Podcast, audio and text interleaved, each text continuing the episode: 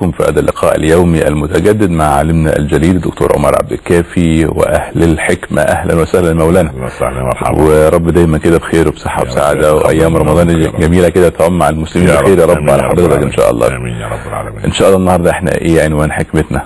أحمد الله رب العالمين وصلاة وسلاما على رسوله صلى الله عليه وسلم. إذا أردت أن يفتح لك باب الرجاء فانظر ما منه إليك. وإذا أردت أن تفتح باب الخوف فانظر ما منك إليه. الله. جميل. آه.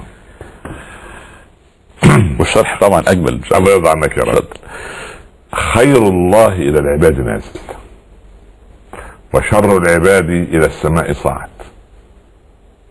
هو يتودد إليهم بالمغفرة وهو أغنى الأغنياء. مش محتاج منهم شيء. نعم. وهم يتبغضون إليه بالمعاصي وهم أشد ما يكونون حاجة له. طيب. فأنا عندي باب رجاء وباب خوف. خلاص؟ عايز تفتح باب الرجاء؟ شوف إيه اللي ربنا أعطاه لك دون أن تقدم أنت شيئا. نعم. يعني أعطاك الصحة وأعطاك الإسلام من قبل وأعطاك الوالدين اللي ربوك والمعلمين اللي علموك والمال اللي انت انفقت منه والزوجة الصالحة والأولاد البررة والمسكن والبيت والأمن والأمان من امسى آمنا في سربه معافا في بدنه عنده قوت يومه فكأنما حيزت له الدنيا بحذافيرها. فانظر أنا خدت ده كله دون أن أدفع شيء. تمام؟ يعني وبعدين؟ قال إذا هم بالحسنة هم بالحسنة. ولم يعملها كتبت له حسنة. طب لو عملها؟ تكتب له إلى إيه؟ 10 أضعاف إلى 700 ضعف طيب.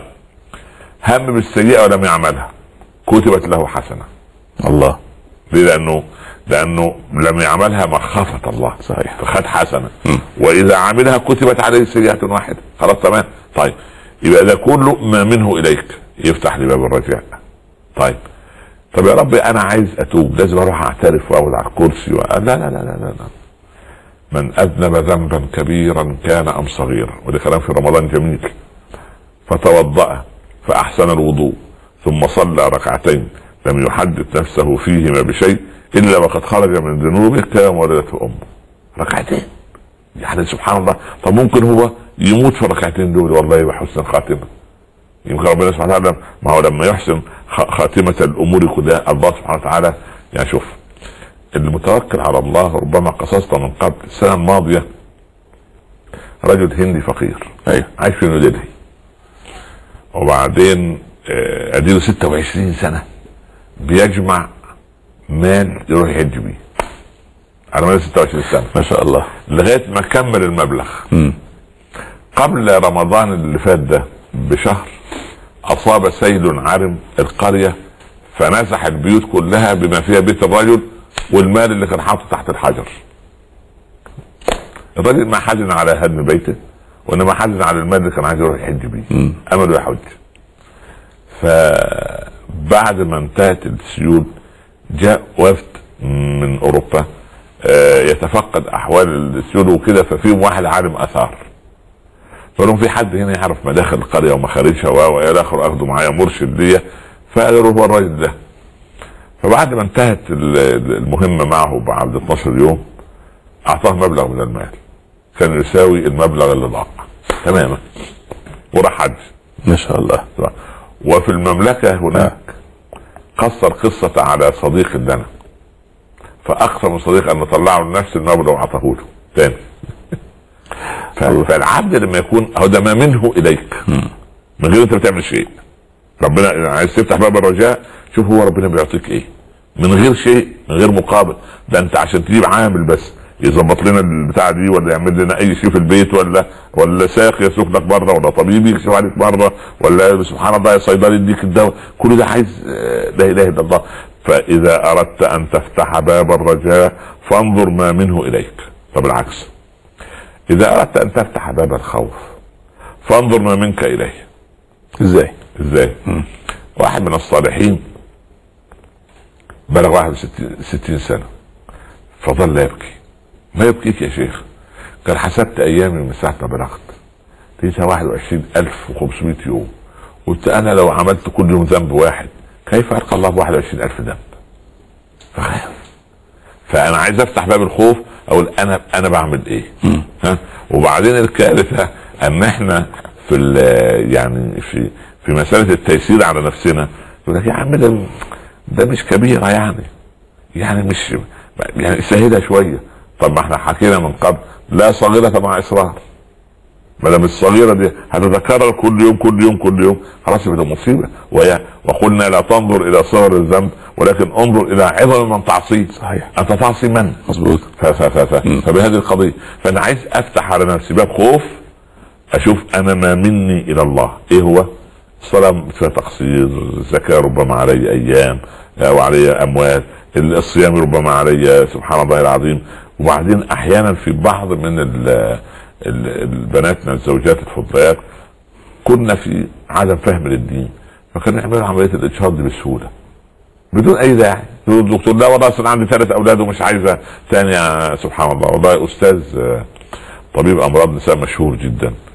قال يا شيخ عمر في الستينات سنة 62 جاءتني امرأة عندها أربعة أولاد وعايزة تعمل عملية يعني منع حمل تام ربط مبادئ وكده بحيث ما يا ستي لا خلاص أنا أربع أولاد اعمل بيهم إيه؟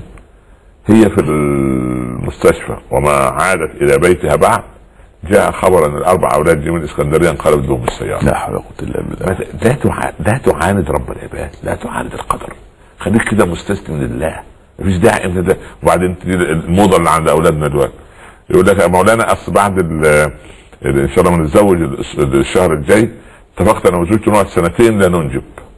الله إيه الحاجة ده؟ إيه الكلام اللي يعني ال- العيال ما اتربت على دين؟ لم تتربى على دين على يقين على طيب أنت عايز تغلق الباب وربنا ربنا يمكن يغلقه عليك على طول. طب لماذا؟ ولا أصل عايزين نفرح بشبابنا الأول وإحنا احتمال أصل إحنا مختلفين ممكن نطلق. الله. أنت بتكتب ورقة زواج على على قسيمة طلاق يعني ففي ناس يعني عايز أقول إيه يعني لا تخاف وما عندهاش مسألة الخوف مش واضح في كيانها لأنها لا تقف أمام نفسها لل- للمعالجة. طب أنت يا ست اللي أنشطت ده بدون بدون سبب دفعت الدية؟ اللي هو عليه دية. هو إحنا نقتل. ومش عايزين سبحان الله العظيم عليه دي يعني الم... دي. المرأة اللي بتوجد نفسها؟ عشر دية عشر دي عشر يعني 10 جمال. 10 جمال. 10 شوف الجمل بكام بقى دلوقتي. هم يسرعوا في السوق بتاع امبابه بقى يعرفوه. آه. ده مبلغ. نعم. آه. أو تصوم بقى ولا يعني. يعني التسهيل في المساله الدين يسر آه بس مش في حدود الله. صحيح. يعني مش في حدود الله. ف- هنطلع فاصل. نرجع تاني نواصل حوارنا مع دكتور عمر عبد الكافي. رجعنا لكم تاني مع فضيلة العالم الجليل دكتور عمر عبد الكافي وما زلنا عند هذه الحكمة المأثورة الجميلة لابن عطاء الله السكندري. إذا أردت أن تفتح باب الرجاء فاذكر ما منه إليك. نعم.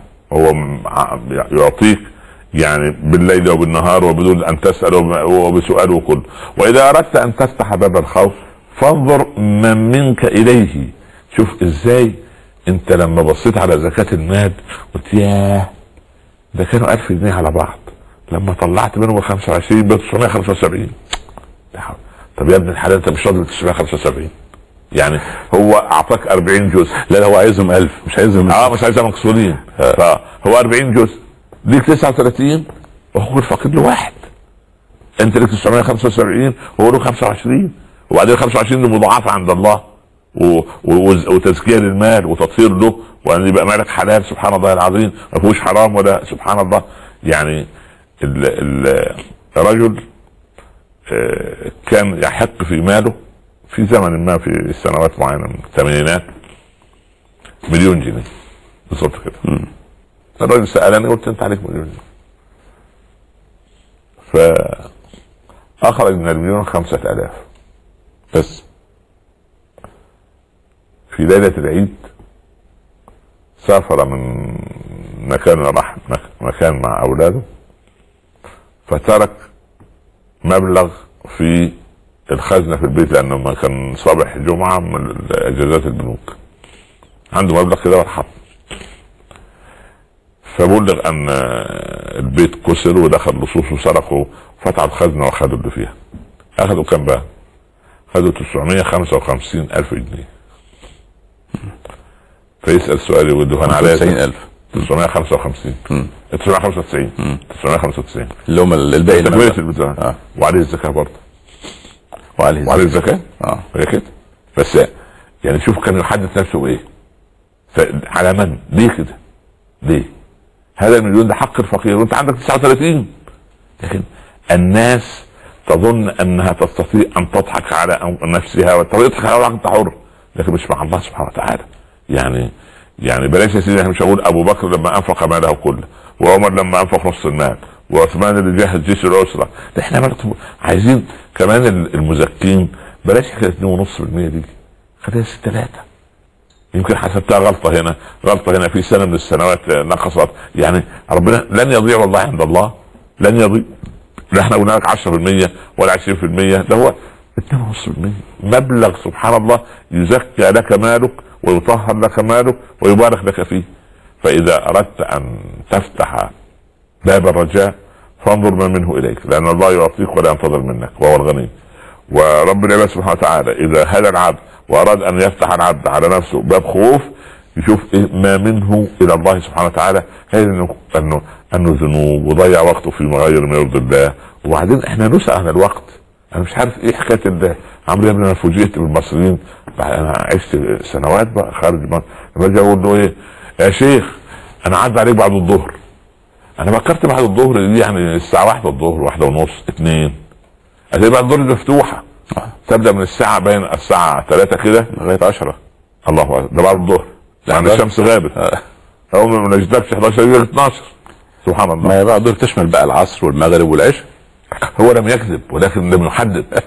يعني هذا حديث مكذوب رواه مسلم. يعني للاسف الشديد ف- بس مش الإمام مسلم يعني. فالكارثة الكبرى هذا التميع أنا عايز أسمع من الناس.